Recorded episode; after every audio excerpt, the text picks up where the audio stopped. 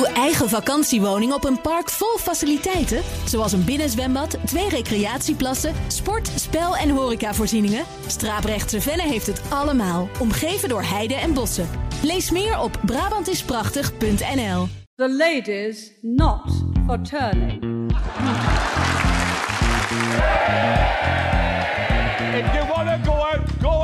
But if you stand again, I'll lord you out. Make your mind up. Are you excited about another election? You're joking.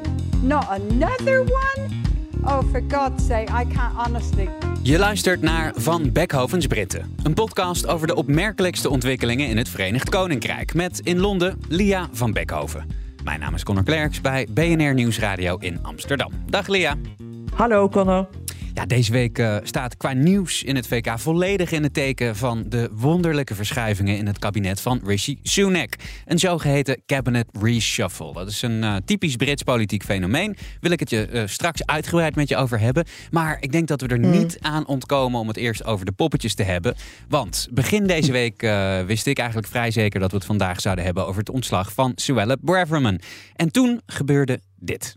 By car coming up number 10.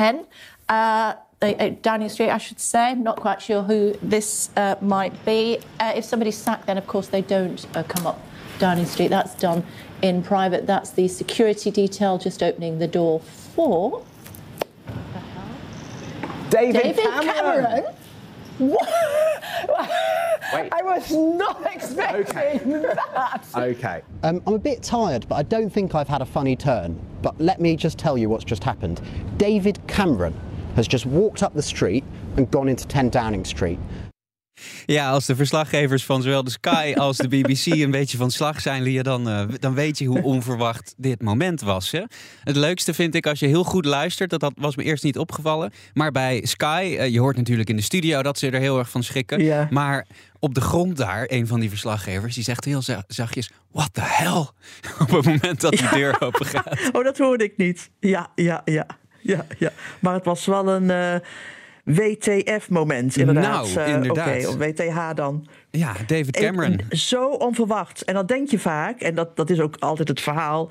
Downing Street lekt als een zeef. Weet je, er is Ja. geen geheim dat daar bewaard kan worden. Er is altijd wel iemand die het aan de pers lekt. Nou, helemaal niet dus. Ik bedoel, niemand wist hiervan. David Cameron, ik bedoel, Ja. vier premiers geleden, vijf premiers geleden, zes premiers geleden. Terug is hij weer. Ja, heel erg onverwacht. Ja, echt Heel wonderlijk. Ja, verrassend. eh, vier premiers geleden inderdaad. Premier tussen 2010 en 2016. Hij was natuurlijk architect van het Brexit-referendum. Ook van de austerity-maatregelen. Die bezuinigingen op eh, Ja. zo ongeveer alles hè, van sociaal belang na de financiële crisis. Die ja, toch wel aan grondslag liggen van een heleboel problemen in het VK die wij hier wekelijks bespreken. Maar hij komt terug naar de politiek en wel als minister van Buitenlandse Zaken. En ik denk, Lea, als je hierop had ingezet bij de boekies, dat je echt krankzinnig rijk was geworden. Ik denk het ook, dat zeg je nou te laat. Ja, maar weet jammer, je wat ik ook zo merkwaardig vind? Niet alleen de man zelf, maar ook de manier eh, van benoeming. Het deed mij echt, ik deed mij echt denken aan Blackadder, weet je wel, die serie, Ja. die komische serie. Weet je wel, eh, met Rowan Atkinson, hè, Mr. Bean. Ehm, want het hoort niet thuis in een democratie in de 21ste eeuw, eerlijk gezegd. Ehm, een mooie opsomming las ik en die, die luidde dat... Kijk, David Cameron is geen Kamerlid, hè, dus hij moest voorgesteld worden aan de koning. Waarbij je dus de situatie hebt waarbij je een staatshoofd niet gekozen, want dus koning Charles, vraagt en eh, als premier, een premier Sunak ook niet gekozen door de kiezers, een plaatje te geven in de House of Lords, de Senaat, die helemaal ongekozen is, aan een man, in dit geval minister Cameron, die ook niet gekozen is. Cameron wordt Lord, weet je, maar hij is, want hij is geen politicus meer. Ja. En omdat hij toch een rol wil spelen in de regering, moet hij of in de Senaat of in de House of Commons, het Lagerhuis. Dus gaat dan nu, omdat hij geen politicus is, eh, parlementslid is, gaat hij dus nu de Senaat in. Ja. Ik bedoel, moeder der democratie, iemand? ja, ze hebben maar tot baron geslagen, geloof ik, hè? Eh, ja, eh, maar de titels en zo, daar moeten we nog achter. Maar binnen minuten uh, was dat besloten en was uh, Charles ingelicht. Dit gaat er gebeuren. Ja. we zoeken een plek in, een, um, in de politiek voor deze man. Kan alleen naar de House of Lords, de Eerste Kamer, de Senaat. Daarvoor heb je een Lordstitel nodig. Had je er nog één liggen? en nou is het aan Cameron om te besluiten hoe hij zich gaat noemen. Baron van dit tot dat, ja, kan. Ja, ja, ja. ja. Laat ik uh, met een misschien voor de hand liggende, maar toch wel belangrijke vraag beginnen. Waarom is David Cameron de nieuwe minister van Buitenlandse Zaken? Waarom de nieuwe minister van Buitenlandse Zaken? Um, ik ik aarzel tussen twee dingen. Aan de ene kant vind ik het heel erg verrassend. En we hebben het wel eens gehad over Rishi Sunak. En weet je hoe die eigenlijk geen lef heeft. Ja. Um, en daarom ook Suella Braverman zo lang heeft laten zitten op Binnenlandse Zaken. En daar is moed voor nodig om haar te ontslaan. Want je haalt echt uh, de wraak van de rechtse vleugel op je nek. Nou, dat lef, daaraan zou het uh, Sunak ontbreken. En nu komt hij echt met een, een hele verrassende um, uh, en stevige beslissing hmm. om ook niet onbesproken David Cameron uit het niets um, uh, op een van de grote ministersposten in het Verenigd Koninkrijk te zetten. Ja.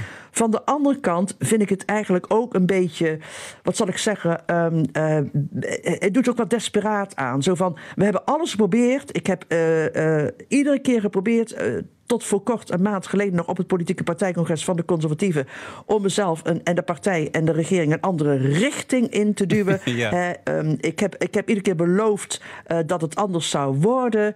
Uh, we gooien het gewoon allemaal in de lucht en we zien wel hoe het, hoe het strandt. We, we zien wel waar het allemaal terecht komt, hoe het valt. Ja. En dat, eh, het heeft ook iets daarvan, vind ik. Dus een beetje met de moed der wanhoop achter. Ja, het is een beetje gek inderdaad. Want, na want je dat hebt congres... 350 kamer... Sorry. Ja, sorry dat ik je ontdek, maar je hebt 350 Kamerleden in je fractie. En geen, geen, geen één is er goed genoeg om die ministerspost te bezetten. Nou, misschien Ja. niet. Ja, hoe denk je dat dit nou straks gaat als die ministers bij elkaar komen? Want ja, als ik nogal onzeker was over mijn eigen positie en, en wist dat ik zo goed als zeker de volgende eh, verkiezingen eh, ging verliezen, ja, dan weet ik niet of ik nou zo'n politiek zwaargewicht naast me zou, zou willen hebben. Maar Nou, ik denk dat. Kijk, de bedoeling was natuurlijk om ook ehm, van Sunak om David Cameron in zijn kabinet te trekken om daarmee de regering wat gewicht te geven. Ja. En zoals je zei, Cameron heeft, eh, was zes jaar premier. Hij won twee verkiezingen. Hopelijk gaat het ook een beetje af op Sunak nu. En Cameron zelf heeft ook een uitstraling van, van iemand van, weet je, die kalm is eh, in crisis. Iemand die ervaren is, die de, die de weg weet naar internationale tops en zo. Die Ja. hoeft niet van onderaf aan te beginnen. En stabiliteit, dat is belangrijk. En ik denk dat Cameron echt een teamspeler is. Ehm, eh, ik- kan me voorstellen dat eh, Cameron zijn plek weet. Vergeet niet, hij is ook niet in Londen veel. Hè? Want bu- buitenlandse zaken eh, betekent natuurlijk dat je heel veel op reis bent. Ehm, en ook interessant, denk ik, voor Sunak is... hij zal natuurlijk deelnemen, als hij in Londen is... aan kabinetsbesprekingen. Hij zal om die grote ovale tafel zitten in Downing Street. Ehm, maar ik denk dat Sunak hem gezegd heeft... dat hij een groot deel van het buitenlandse beleid aan hem toevertrouwt. Er is vertrouwen tussen die twee, absoluut. En is dat, dat, dat vertrouwen in eh, David Cameron als, als, als eh, minister van Buitenlandse Zaken eigenlijk terecht? Als, als we kijken naar zijn, Nou, zijn dat vind ik zo nalatenschap. Ik bedoel, in, in Libië Precies. ging het niet goed, in Syrië ging het niet Nee. goed. Om maar te zwijgen Nee. over het B-woord, wat, wat niet uitgesproken mag worden in de Britse politiek. Maar ja, Mm. het, dat, dat is, het is niet dat je denkt van dit is de grootste ster op eh, buitenlands gebied van de afgelopen 30 jaar. Nee, David Cameron was niet een onverdeeld succes als premier, afgezien nog van buitenland. Hij was ook de man inderdaad die dat hele eh, psychodrama opstartte in de conservatieve partij over dat B-woord. Ja. Eh, ja, Brexit, de grootste buitenlandfiasco eh, van Londen sinds, eh, sinds Suez. Volgens mensen die dat veel beter weten dan ik. Ehm, maar afgezien daarvan, zoals je eerder ook al zei. Eh, hij begon als reactie op de financiële crisis van 2008 met die gigantische bezuinigingsronde die nog Ja. steeds doorgaan, eh, waarmee de openbare sector aan de beademing ligt. hij, hij hield een halt toe, riep een halt toe aan al die investeringen in de sociale sector met gevolgen waar wij het ook regelmatig over hebben. Hij was open uh, en erg hartelijk en warm richting China. Ik weet nog hoe Xi, uh, president Xi op staatsbezoek kwam hier en hoe David Cameron hem in een kroeg trok um, in zijn kiezenstreek. En ja. alle twee, heel veel foto's van alle twee aan de bar met een pint, weet je nog? Ja, samen en naar een hij, En voetbalwedstrijd. dat was allemaal onderdeel, precies. Dat was allemaal onderdeel van, zoals Cameron zei, een nieuw gouden tijdperk tussen uh, China en het Verenigd Koninkrijk. Ja. En Chinese bedrijven werden ook echt gevraagd en gestimuleerd te investeren in het Verenigd Koninkrijk, inclusief tele, uh, telecomorganisaties. Ja. Trouwens, dat is nu, dat is nu allemaal teruggedraaid. Hè? Dat is nu allemaal geschrapt. Ja. Ja, de Economist uh, vandaar noemde Cameron een man die uh, het Britse buitenlandbeleid verprutste en nu wordt ingehuurd om het te repareren. ja, wat ik me ook afvraag, what's in it for Dave? Wat, wat heeft hij hier aan? Voor het geld hoeft hij het niet te doen. Voor het geld hoeft hij niet te doen. Ik denk wat hij eraan heeft is wat je dan hoort via, via, via. En dat is geen geheim. Is dat uh, hij zich een beetje verveelde. Ik bedoel, hij, um, hij had een aantal uh, adviseursposten. Hij adviseerde ja. heel omstreden. China trouwens ook. Hè? Uh, met de bouw van uh, de haven in Sri Lanka. Ja. Um, hij had wat commissariaten. Hij was voorzitter van een Alzheimer-organisatie in Groot-Brittannië. Maar ik bedoel, hoeveel tenniswedstrijden per dag kun je spelen daarnaast? Ja. uh, hij verveelde zich, wil ik maar zeggen. De memoires waren geschreven. En dat is ook, ik moest er ook aan denken. Dat is ook zo interessant, um, vond ik, met Tony Blair. Want kijk, hij was nog relatief jong. Hij Ja. is nog relatief jong. Hij is 57, zoiets.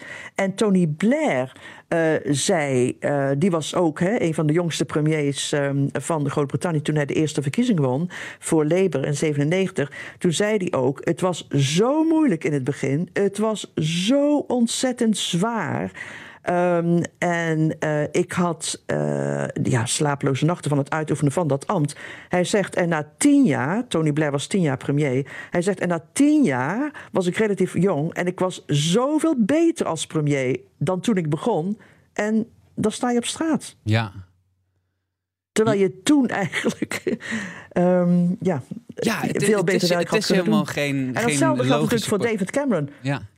Het is geen logische baan om te hebben midden in je carrière natuurlijk. Want wat, wat doe je daarna? Nee, precies. Wat doe je daarna? Dat is het probleem natuurlijk van alle uh, premiers, uh, presidenten. Ja. Wat doe je daarna? Ja. En uh, jij had het al over Blackadder, een, een oud-premier die terugkomt voor een ministerspost. Dat is niet uniek, maar het is wel iets uit een, een ander tijdsgevricht. Hè? Doet dan een beetje Victoriaans Precies. aan. En dan de manier ook waarom die benoemd is natuurlijk. Dan denk je, ja, Ja. dat, was, dat, was, dat is zo 19e eeuws. Maar ik denk dat um, ook gedacht heeft...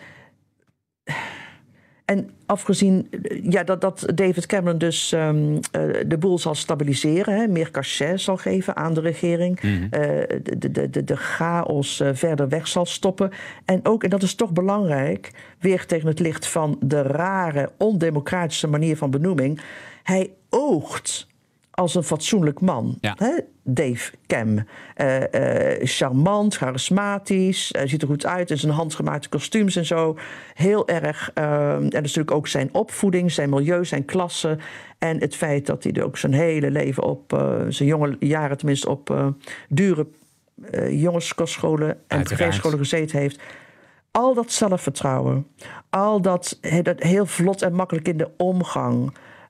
het feit dat hij zichzelf ziet als leider en zich ook daarna gedraagt. Kijk, dat is wat telt in Ja. het Verenigd Koninkrijk. En misschien ook wel in het buitenland. Ja, ja, ja, dat zou goed kunnen. En ik vraag me ook af uh, hoe het zit met, met uh, eigenlijk de gewone Brit. Want uh, hoe wordt David Cameron momenteel in het VK gezien? Ik zou hem zelf nou niet bestempelen als de beste premier van de afgelopen twintig jaar. Maar als je kijkt naar wat er na hem kwam, ook niet de slechtste. Wat is een beetje het sentiment aan jouw kant van het water? Ja, dat dus. Um, uh, als ik er met, uh, met, met vrienden over praat, uh, vanochtend ook weer, dan.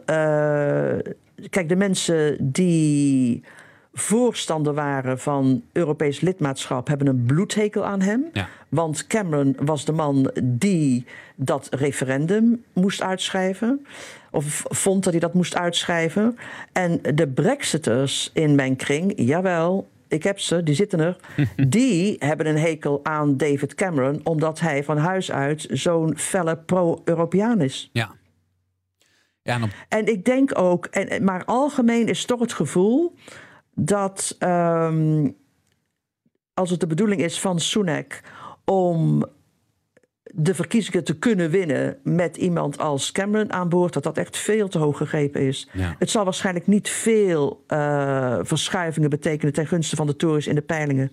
Maar goed, dat, dat moeten we dus echt afwachten. Ja, en afgelopen maandag ging het eh, op Twitter natuurlijk de hele dag over Cameron. En ja, tot mijn grote vreugde kwam deze oude eh, viral video weer bovendrijven. Van oud-EastEnders acteur en tv-presentator Danny Dyer.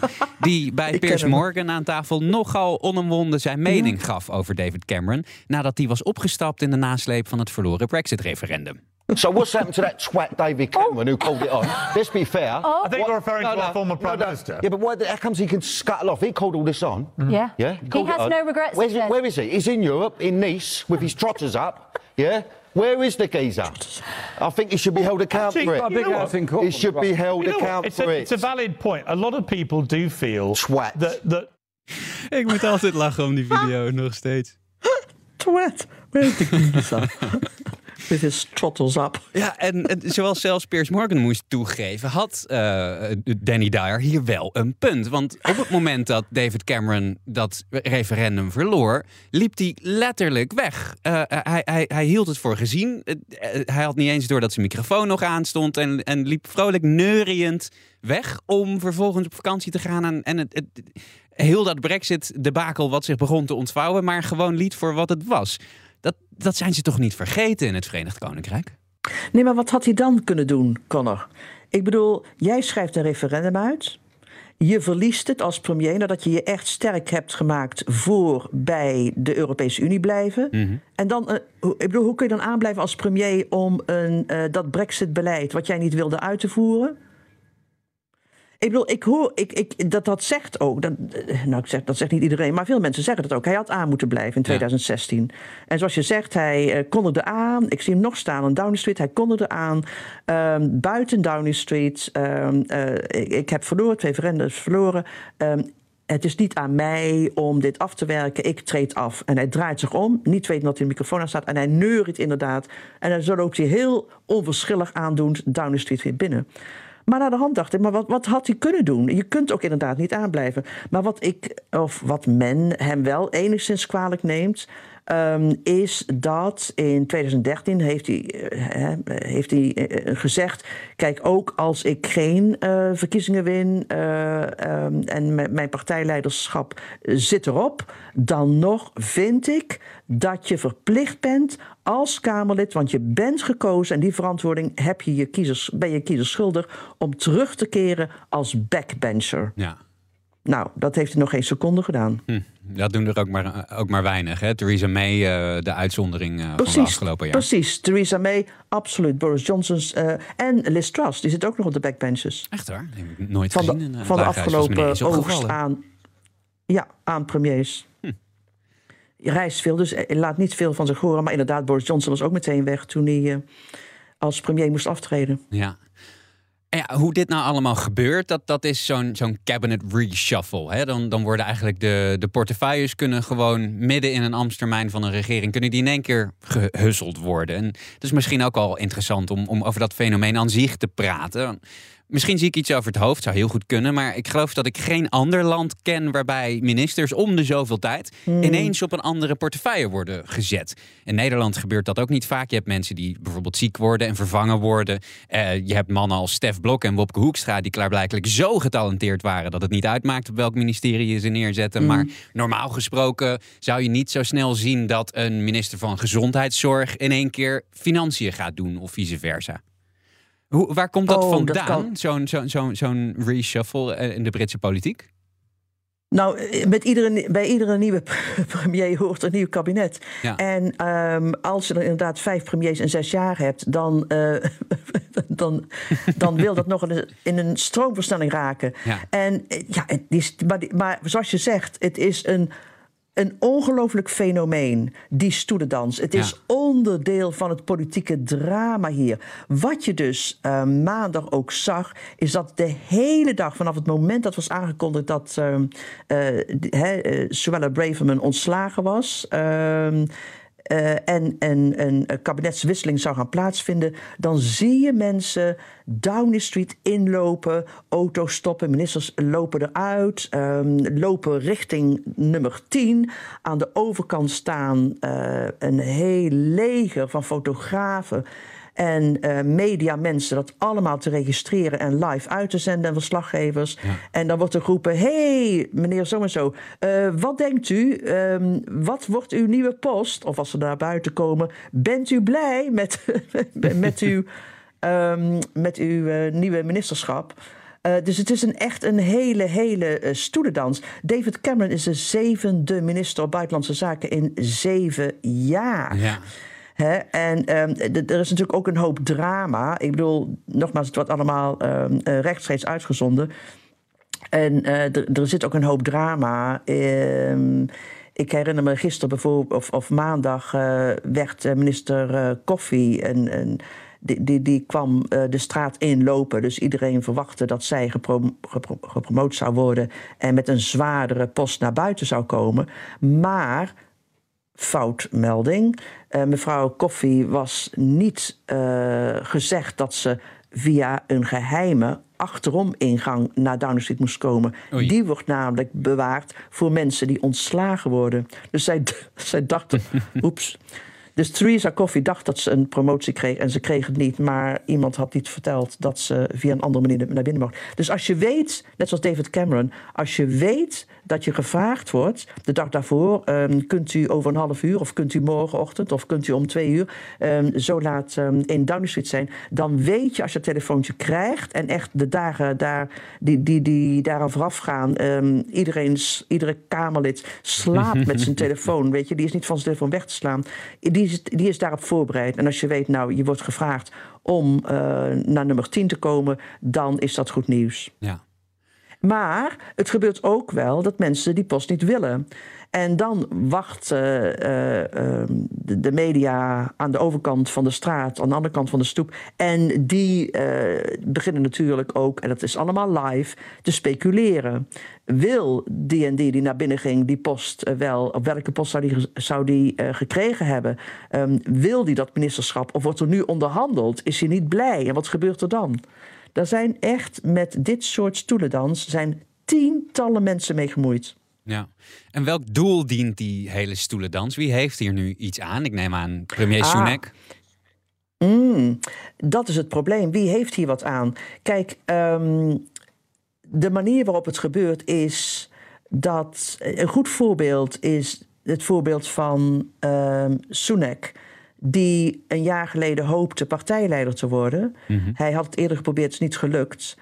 Deed nog een gooi naar de top. Maar had de steun nodig van Suella Braverman. Hij had haar nodig om stemmen van de rechtervleugel van de partij te krijgen. En zo dus dat leiderschap eh, te winnen. Maar dan heb je je premierschap en dan ga je kabinet samenstellen. En dan weet je dat Braverman voor haar steun iets verwacht. Dus niet iets voor niets. Ja. Begrijp je? Dus zij kreeg een zware ministerspost. Ook al was ze een week daarvoor ontslagen. Sunak haalde haar weer terug als dankzegging voor haar steun. En ook om eh, de rechtervleugel van de partij binnenboord te houden. Ja. Maar kijk, het, het, je kunt je de gevolgen wel, wel, eh, wel, wel voorstellen. Als je zo vaak een wisseling hebt. Ehm, er was, herinner ik me, met die vijf premiers in zes jaar... was er vorig jaar een tijd waarop ehm, vijf ministers binnen vier maanden... minister van Onderwijs werden. Ja. Waarvan twee eh, niet langer dan 36 uur zaten. ja, dat is hopeloos natuurlijk voor het beleid. Precies. In totaal, wat betreft minister van Onderwijs, waren in Groot-Brittannië tien ministers van Onderwijs in de afgelopen 13 jaar. Maar kan je, dat, kan je, kan je daar, daarboven? Zeker wel. Ehm, de afgelopen zeven jaar waren er 16 staatssecretaris van volkshuisvesting. Oh ja, want dat is helemaal geen belangrijk thema natuurlijk. Met een acute woningnood is dat geen belangrijk thema. Dus 16 staatssecretarissen op volkshuisvesting in zeven jaar. Gevolgen, natuurlijk enorme gevolgen voor het beleid, voor de aansprakelijkheid. Wie is er verantwoordelijk voor die post als je dan toch over een paar weken misschien wel weer buiten staat? Ja. En hoe wordt hier naar eh, gekeken in het VK? Vinden zij dit uit gewoonte nog wel een beetje normaal, die hele reshuffle? Of, of vinden zij het toch ook een beetje vreemd? Nee, de meeste Britten zijn zich daar wel van bewust dat dit uh, te ver gaat. En dat uh, de afgelopen zes, zeven jaar eigenlijk sinds Brexit, um, sinds uh, Theresa May de zaak overdroeg aan Boris Johnson, de term chaos voortdurend op de Britse regeringen gegooid zijn, naar de mm. regeringen gegooid zijn als term, hè, die toch het beste de lading dekt. En daarom was de hoop ook van uh, Rishi Sunak uh, terecht, en dat heeft hij ook gedeeltelijk zeker verwezenlijkt, dat hij in ieder geval een einde zou maken aan de chaos. Mm. Ja, toen had hij natuurlijk buiten eh, mevrouw uh, Braverman gerekend. Je zei het eigenlijk net al, hij had haar nodig hè, om, om die steun te houden van de rechterflank van de conservatieve partij. Nu is ze ontslagen en David Cameron, een soort oercentrist, die helemaal niet goed ligt volgens mij bij diezelfde rechterflank van de partij, daarvoor in de plaats. Betekent dat dat hij ze niet meer nodig denkt te hebben of ligt dat genuanceerder? Ik denk niet dat hij anders kon met uh, Suella Braverman. Je, je, weet, je hebt hier een gezegde: um, uh, hou je vrienden dicht bij je, maar je vijanden nog dichter bij je. Ja. Um, en ook, kijk, het is beter wat dat betreft om iemand in de tent te hebben die uh, naar buiten pist, dan iemand buiten de tent die naar binnen pist. Mm. Het probleem met Suella Braverman was dat ze en in de tent zat en tegen Sunak aanpiste, zoals iemand zei. en meerdere keren. Ja. Meerdere keren. Kijk, afgelopen dinsdag was echt uh, het hoogtepunt of dieptepunt. Toen ze het had nogmaals over dakloosheid en woningcrisis gesproken. Ze had het over dakloosheid als een lifestyle choice. Jongen, ja. Uh, op dat moment, op dat moment um, had Sunak een ontmoeting met David Cameron. Een dag later zei Suella Braverman dat uh, de politie uh, demonstraties, pro-Palestina demonstraties, uh, iedere zaterdag worden gehouden in Londen, dat dat haatmarsen waren. En weer later verweet ze de politie te sympathiseren met linkse demonstranten. Mm. Maar tegen die tijd, denk ik, had Sunak al zijn besluit gemaakt. Hij had toen al besloten dat Braverman van haar post ontheven moest, ontheven moest worden, afgezet moest worden. En dat, uh, uh, dat er een stoelendans plaats moest vinden, waarbij ja. dus ruimte gemaakt werd voor David Cameron. Ja, en nou is ze ontslagen. Betekent dat dat uh, Sunak van er af is? Oh nee, want ze heeft al gedreigd uh, nog van zich te zullen laten horen. Hmm. Maar ik weet bijna zeker dat er, dat er vrij veel Britten sympathiseren met wat ze zegt. Dat vrij veel Britten zich echt kiezers kunnen vinden in haar um, beleid wat betreft de bootjesmensen. Vinden dat er te veel vluchtelingen zijn in het Verenigd Koninkrijk. Dat de, dat de migratie te groot is. Dat de Britten geen grip hebben. Um, dat het uh, dichtgooien van de grenzen veel makkelijker, veel beter moet. Dat was toch het grootste onderdeel, uh, haar dossier. En ik denk zeker dat zij uh, op sympathie daarom ook kan rekenen, kan blijven rekenen bij de uh, conservatieve vleugel van de fractie. Ja. Maar gek genoeg valt dat eigenlijk wel mee. Er zijn een paar bijeenkomsten geweest sinds ze ontslagen is. En die zijn in Westminster. En die zijn niet echt goed uh, bevolkt geweest. Er zijn maar een stuk of 7, 8, 9 Kamerleden geweest hè, van de fractie, dus van uh, 350. Ja. Uh, die um, moeite vonden om, om op te komen draven, om steun te betuigen aan Braverman. Dus het is heel moeilijk te zeggen op dit moment. Is ze uitgerangeerd? Of gaat ze na de volgende verkiezingen, mochten de Tories die verliezen, een worp doen naar het leiderschap? En is dit allemaal bedoeld om zelf partijleider te worden. Maar ik denk dat dat te cynisch zou zijn. Uh, te concluderen dat ze alleen uh, met die harde rechtse taal uit is op um, leiderschap van de partij. Ik denk echt dat ze, dat ze gelooft in haar beleid en gelooft in wat ze zegt.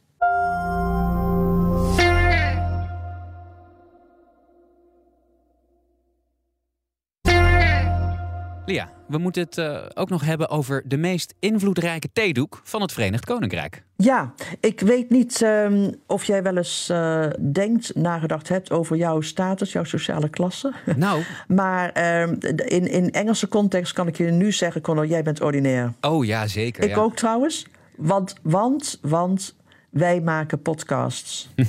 en het maken van en het luisteren naar trouwens, podcast is heel erg gewoon.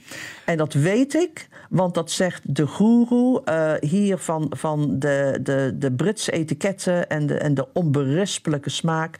Uh, de 84-jarige Nicky Haslam, uh, binnenhuisarchitect, afstammeling van koningin Victoria.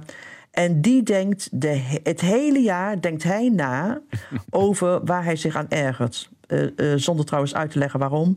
En dat drukt hij dan af op een theedoek. Ja. Uh, en dit jaar, even kijken, dit jaar zegt hij, wat absoluut niet kan, niet door de beugel van fatsoen, is muziek.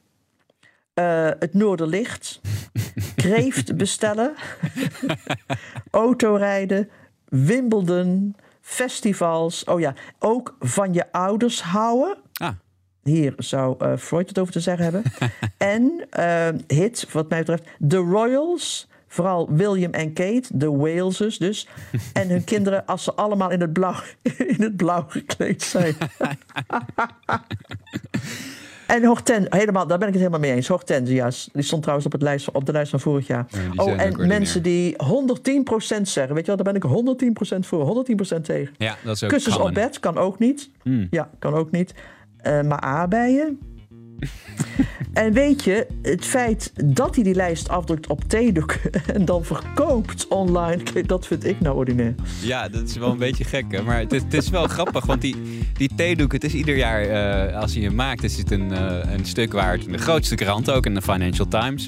Uh, die theedoeken, die, die verkopen ieder jaar stijf uit. Tuurlijk verkopen die, maar je moet niet, ja, ik weet niet of hij weet aan wie hij ze verkoopt en wie inderdaad de grootste afnemers zijn, maar het zal niet de, de zijn, denk ik, want die nee. trekt zich ook echt van niemand wat aan. Moeten wij ook een theedoek maken, Lia? Ah, wie weet. Nou, gaan we eens even kijken wat er mogelijk is. Laten we dat doen. Dankjewel voor deze week, Lia. Graag gedaan.